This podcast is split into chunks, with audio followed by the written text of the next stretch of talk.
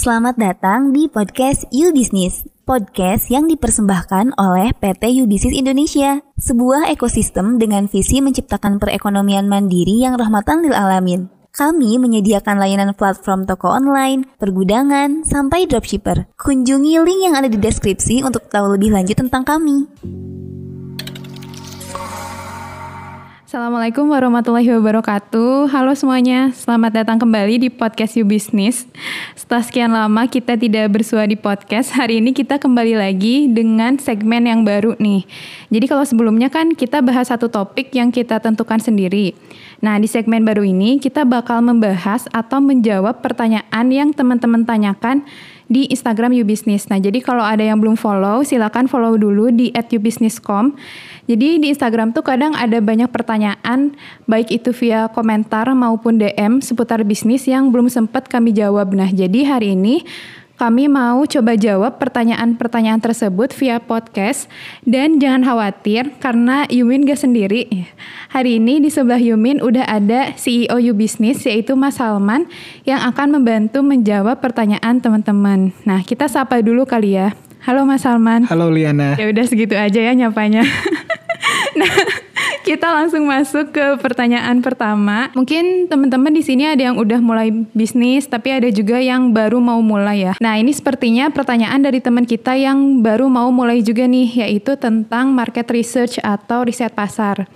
Kalau teman-teman ingat kan di tujuh formula bukan langsung laris itu, poin pertamanya bidik pasar potensial.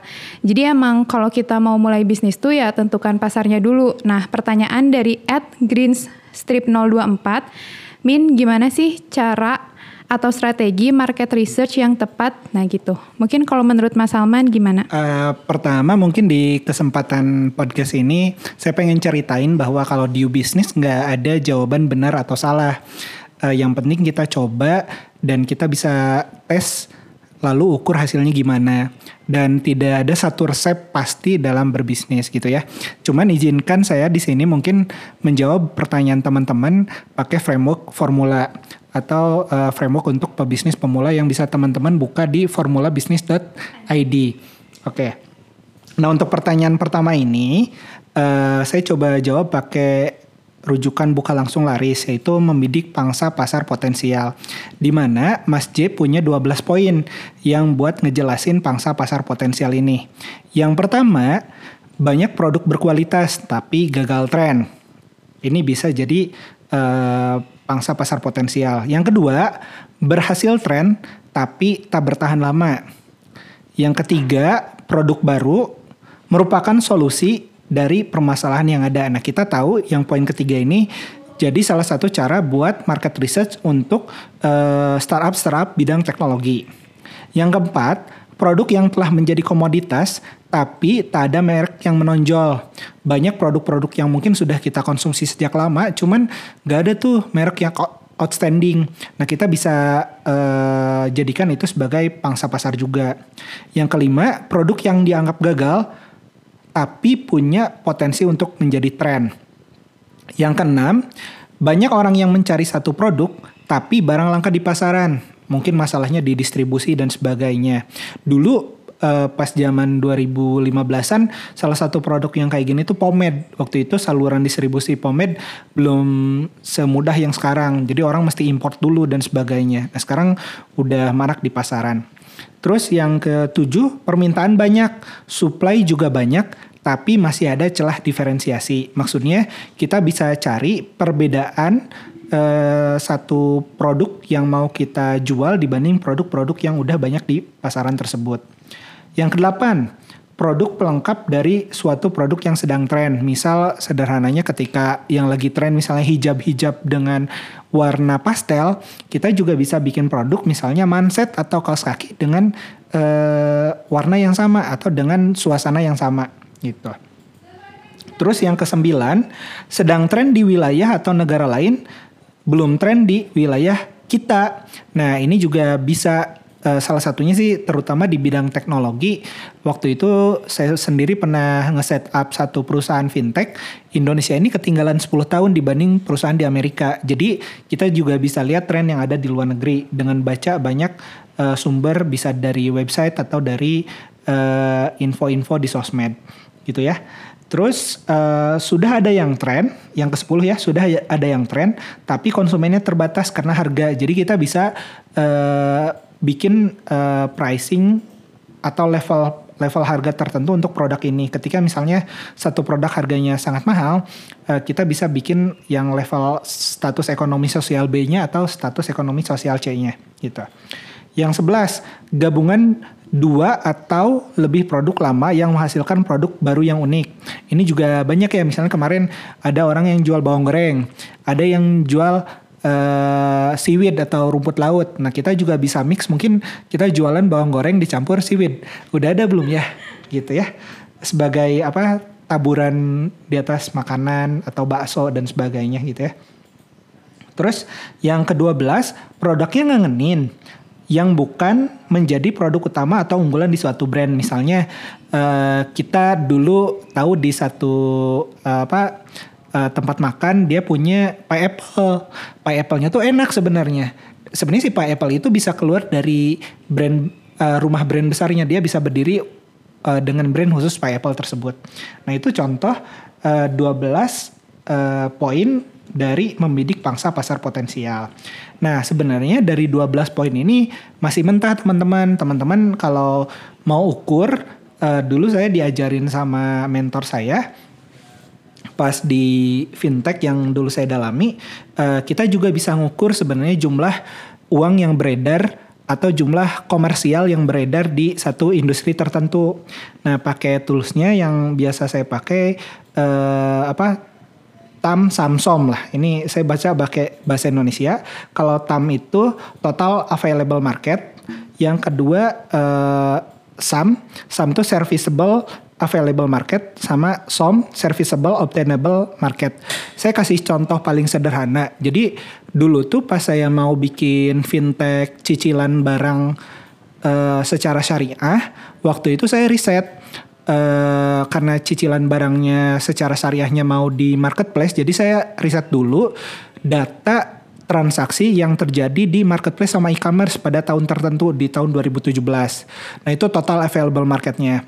Terus saya dapat data sekunder dari satu perbankan bahwa orang yang interest ke syariah itu hanya 8,2 persen.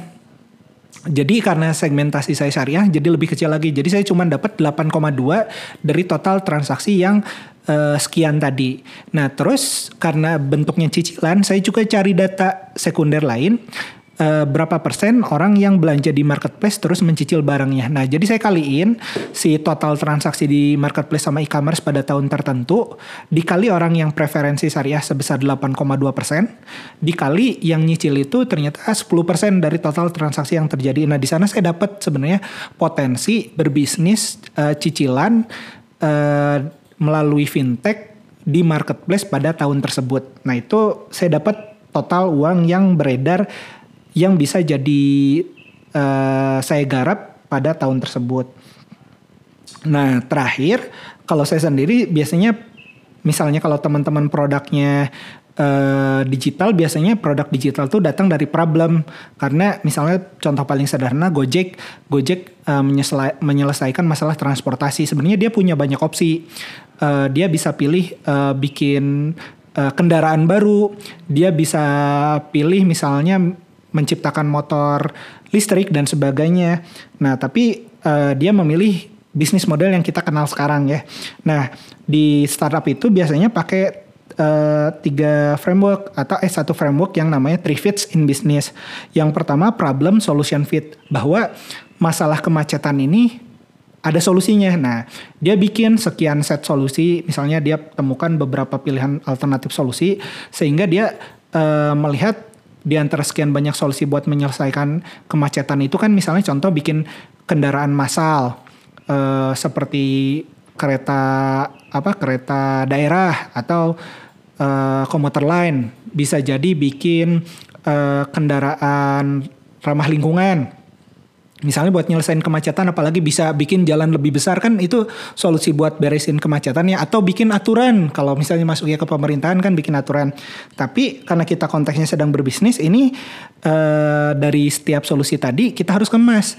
Jadi satu produk atau jasa. Nah, produk dan jasa yang dipilih oleh Gojek saat itu adalah bikin satu aplikasi pemesanan uh, ojek gitu berbentuk aplikasi. Jadi dia tidak memilih bikin kendaraan baru, dia tidak memilih memperlebar jalan, dia tidak memilih bikin sistem transportasi terpadu. Uh, dia memilih bikin satu aplikasi uh, untuk memudahkan order uh, ojek mengubah kebiasaan orang naik ojek konvensional menjadi ojek uh, secara online gitu ya biar biar orang bisa order uh, di mana saja. Nah, tahapan kedua tadi ya produk, produknya dipilih aplikasi, terus marketnya suka, itu namanya produk market fit. Terus tahapan ketiga, ini yang bisnis model fit. Dari sekian banyak opsi sebenarnya Gojek bisa uh, pakai sistem misalnya subskripsi, orang bayar berapa per bulan. Nah, yang dia pilih itu dia uh, bisnis modelnya kemitraan dengan uh, drivernya dan ngasih uh, charge uh, per trip sama si uh, penumpang. Nah, itulah bisnis model dan bisnis model fit bisa dibuktikan ketika uh, bagaimana para user atau para pengguna senang melakukan dan kalau kata Mas Jaya dua poin ya. Kalau dia berbasis produk dia uh, perulangan atau retensi, repeat. Kalau dia berbasis jasa dia rekomendasi dan uh, yang Gojek lakukan memenuhi kedua aspek tersebut kurang lebih kayak gitu teman-teman buat melakukan riset. Jadi kalau saya singkat tadi teman-teman bisa baca di buka langsung laris ada 12 poin ya uh, sebagai insight awal buat uh, meningkatkan akurasinya teman-teman bisa hitung secara komersial sebenarnya perputaran uh, komersial di di industri tersebut berapa besar. Terus teman-teman bisa uji uh, si ide atau pangsa pasar potensial tersebut dengan tadi si three in business. Kurang lebih kayak gitu. Uh, semoga membantu dan yang penting dicoba gitu ya. Oke, makasih jawabannya Mas Salman. Semoga menjawab ya teman-teman. Nah, untuk riset pasar tadi kan yang pertama dari buka langsung laris. Nah, kalau misalnya teman-teman belum punya bukunya, bisa nonton juga videonya di formulabisnis.id. Terus tadi dimatengin lagi sama Tam Samsonnya dan si Trifits modelnya gitu ya. Kayaknya tadi yang Tam Samson juga menarik untuk kita bahas lebih lanjut ya di Instagram. Teman-teman pantengin aja Instagram kita di @ubusiness.com dan yang Trifits model juga itu menarik untuk kita bahas lebih lanjut. Kalau misalnya masih ada yang mau ditanyain, boleh nanti tanya lagi ke kita via Instagram. Sampai ketemu di episode selanjutnya ya. Terima kasih sudah mendengarkan. Jangan lupa klik like dan bagikan jika kamu mendapat manfaat dari podcast kami. Nantikan podcast You Business episode berikutnya.